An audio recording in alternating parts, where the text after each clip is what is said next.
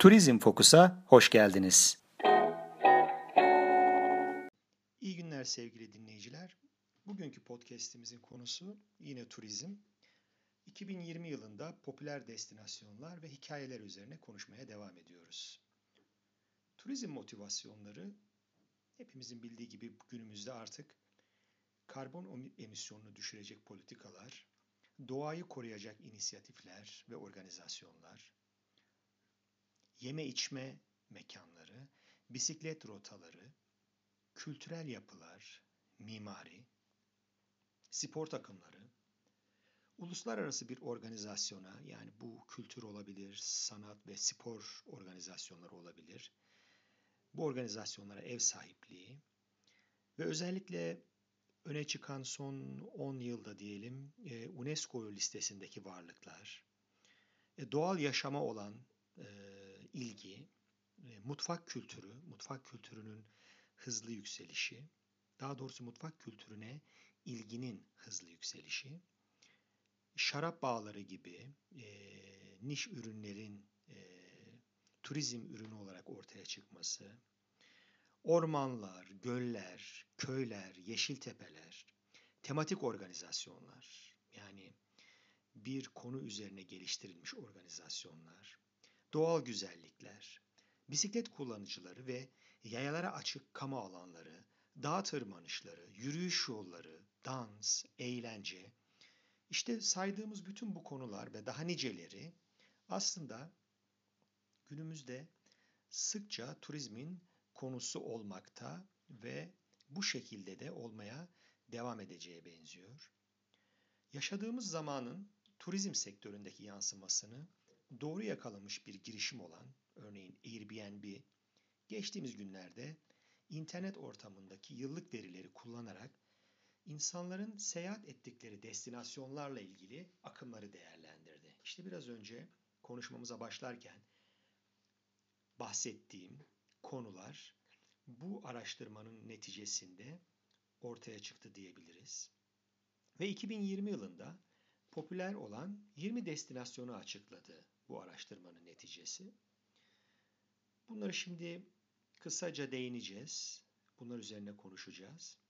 Burada dikkati çeken konu ise insanların bu destinasyonları seçerken hareket ettikleri motivasyonlar ve turizm trendleri olduğu aslında. Listeye şöyle bir baktığımızda şimdi ve gelecekte turizm sektörünün hangi noktada olduğunu ve nereye gideceğini anlamak için aslında uzman olmaya gerek yok sevgili dinleyiciler. Ana eğilim tabii ki hepimizin üzerinde hemfikir olacağı sürdürülebilir turizm faaliyetleri. Sürdürülebilirlik çok önemli. Ve buna göre oluşturulmuş stratejiler, altyapılar ve davranışlar. Yani sürdürülebilirliği aslında hayatımızın her noktasında bir kültür olarak yerleştirmemiz, yaşamamız gerekiyor. Evet, bir diğer önemli konu kültür. Eşsiz, sizi diğerlerinden farklı kılan ve koruyarak yaşattığınız maddi ve manevi kültürel varlıklarınız. Ve hemen akabinde popüler organizasyonlar. Ulusal ve uluslararası kültür, sanat, spor organizasyonları. Listedeki destinasyonların bulunduğu ülkelere ise şöyle bir göz gezdirecek olursak, 3 destinasyonuyla Birleşik Devletleri görüyoruz. Daha sonra İspanya'dan bir destinasyonu görüyoruz Bilbao. Tayland'dan yine bir destinasyonu görüyoruz. Avustralya'dan Sunbury bir destinasyonu görüyoruz. Romanya'dan yine bir destinasyonu görüyoruz ve e, turizmde aslında hayatın her alanında yükselen bir trend olarak ortaya çıkan Çin'den bir destinasyonu görüyoruz. Xi'an. Lüksemburg yine. E, Meksika. E, Vanuatu. Kolombiya. İskoçya, Aberdeen var burada. Kanada. Brezilya. Fransa. E, önümüzdeki yılın e, o olimpiyatlarına 2020 olimpiyatlarına ev sahipliği yapacak olan Japonya ve tabii ki Tokyo burada listede sayılmış. Hindistan'dan Kerala son 10 yılda e, büyük ivme yakalayan bir destinasyon. Kenya, Malindi destinasyonu. Ve Hollanda'dan da Maastricht'i görüyoruz. Görüldüğü gibi çok farklı kıta, kültür ve ekonomik seviyede ülkeleri saydık. Ancak bu destinasyonların ortak noktaları ise hepsini şöyle bir göz gezdirdiğimizde günümüz insanının seyahat ve turizm ile ilgili istek ve ihtiyaçlarını iyi tahlil etmeleri ve altyapılarını buna göre geliştirmeleri olarak e, görüyoruz. Konuşmama başında belirttiğim o bütün turizm trendlerini aslında bu destinasyonların iyi yakaladığını ve altyapılarını, yaşamlarını bu trendler üzerine geliştirdiklerini görüyoruz. Daha doğrusu yaşamlarının neticesinde bu trendler ortaya çıkıyor ve bu trendleri destekleyen bir e, destinasyon olduklarını e, görüyoruz. Peki nedir bu istekler, ihtiyaçlar ve öne çıkan politikalar? Yine onu sıralayacak olursak, yani listedeki destinasyonların öne çıkan özellikleri, e, bunların karbon emisyonunu düşürecek politikalar izlediklerini, bu politikaları öncelediklerini e. Doğayı koruyacak inisiyatifler ve organizasyonlar düzenliyorlar. Bu organizasyonların içindeler. Lokantalar, bisiklet rotaları, kültürel yapılar çok önem verdikleri hususlar. Mimariye önem veriyorlar. Bu destinasyonlarından kimilerinin e, fenomen noktaya gelmiş spor takımları var. Yani bu spor takımlarının popülaritesi bu destinasyonlara ziyaretçi çekiyor. Uluslararası bir organizasyona ev sahipliği yapıyorlar. Yine sıraladığımız gibi kültür, sanat veya spor organizasyonlarına ev sahipliği yapıyorlar. UNESCO listesinde varlıkları var e, bu destinasyonların. Özelliklerinden en önemlilerinden bir tanesi de bu. Doğal yaşamı destekliyorlar. Mutfak kültürünü yine ön plana çıkarıyorlar. Kiminde şarap bağları çok önemli e, rol oynuyor. Ormanlarıyla öne çıkan, köyleriyle, yeşil tepeleriyle yani yine doğasıyla öne çıkan destinasyonlar var bu destinasyonların arasında. Tematik organizasyonlar yapıyorlar. Bir konuyu alıp o konuyu şekillendirip insanlarla buluşturuyorlar. Doğal güzellikleri ön plana çıkarıyorlar, onları koruyorlar. Bisiklet kullanıcıları ve yayalara açık kamu alanlarını tahsis etme noktasında çok hassaslar ve şehir politikalarında veya destinasyon politikalarında, yönetim politikalarında bunu öncelemiş bu destinasyonlardan kimileri. Dağ tırmanışları, yürüyüş yolları, dans, eğlence gibi konular üzerine ürünler geliştirmişler ve insanları e, destinasyonlarına e, çekiyorlar. Bu eğilimlerin ortak yanının doğaya saygı ve insanın deneyim yaşama, etkileşme arzusu olduğunu görüyoruz. Tabi bu destinasyonların geliştirdikleri yaşamları artık özümsediklerini hem kendi insanları hem de ziyaretçileri için yaşam biçimine dönüştürdüklerini söylemek lazım. Aslında bu, bu çok önemli. Ee, ziyaretçi ekonomisinin de daha doğrusu bir destinasyonun ziyaretçi ekonomisinden büyük pay alma, almasının en önemli nedenleri yani birincisi aslında o destinasyonun iyi yönetilmesiyle e, ilgili sevgili dinleyiciler. Eğer kendi vatandaşınız için yaptıklarınızı en üst seviyeye çıkarırsanız aslında orada çok güzel bir yaşam oluşturmuş oluyorsunuz. Kendi yaşadığınız bölgede ve ziyaretçiyi çekmeniz de e, çok kolay oluyor. İşte bununla alakalı bu. Bunun e, iletişimi ise sadece odaklanma ve doğru kanallarda doğru hedef kitlelerle hikayenizi buluşturmaktan geçiyor ki bu da o yerin aslında markalaşmasına giden e, yolu oluşturuyor. Evet, benim en çok dikkatimi çeken bazı destinasyonları ve özelliklerini de sizlerle paylaşmak isterim burada. Mesela listede terakota askerleri ile eşsiz mutfağıyla ünlü Xi'an, Çin'den, e, Xi'an şehri 2020 yılında yeni bir turizm programı yürürlüğe koyup şehirde 30 gece rotası, rotası düzenleyecek.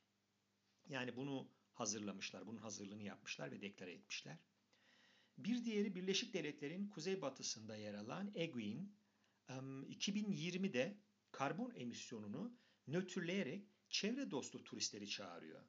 Bakın çok dünyanın gündeminde olan bir konuyu almışlar ve bu konuyla ilgili bir politika beyanında bulunup bununla da ilgili insanları kendi e, destinasyonlarına çekme noktasında e, kullanıyorlar.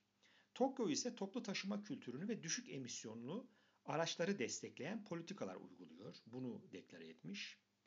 Kenya'nın Malindi destinasyonu ise bir koruma inisiyatifi olarak 2021'e kadar 2 milyar ağaç dikileceğini açıklanmış. Çok büyük bir rakam.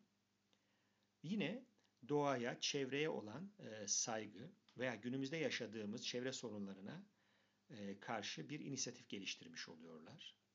Bu destinasyonların belirgin ve farklılaşmış özellikleriyle markalaştıklarını da aslında unutmamak gerekiyor. Yani destinasyonlarını iyi yönetmek, kalkındırmak, turizmi, kültürü, sporu bu iyi yönetişim içerisinde kullanıp kalkınmanın bir aracı olarak kullanmak ve aslında buradan da markalaşmaya gitmek. Böyle bir yolu aslında iyi tesis ettiklerini görüyoruz. Ee, en azından bu yolda olduklarını anlıyoruz bu destinasyonların. Buradan geleceğimiz nokta şu.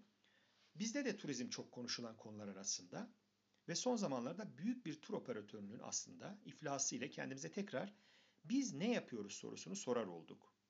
Türkiye 40 yıldır turizm pratiği içerisinde ve e, bu alanda da önemli bir tecrübe geliştirdi. Aslında sayısal noktada bakarsak, turist sayıları noktasında bakarsak dünyanın en fazla turist çeken 6. ülkesi ama tabii ki e, bazı problemlerimiz var e, turizm yönetimiyle ilgili olarak. Turizmi e, öyle bir noktada yönetmeliyiz ve stratejisini oluşturmalıyız ki işte bu biraz önce saydığımız bütün trendleri destekleyebilen ürünler geliştirebilelim. Bunu da Türkiye yapacak e, tecrübeye e, sahip.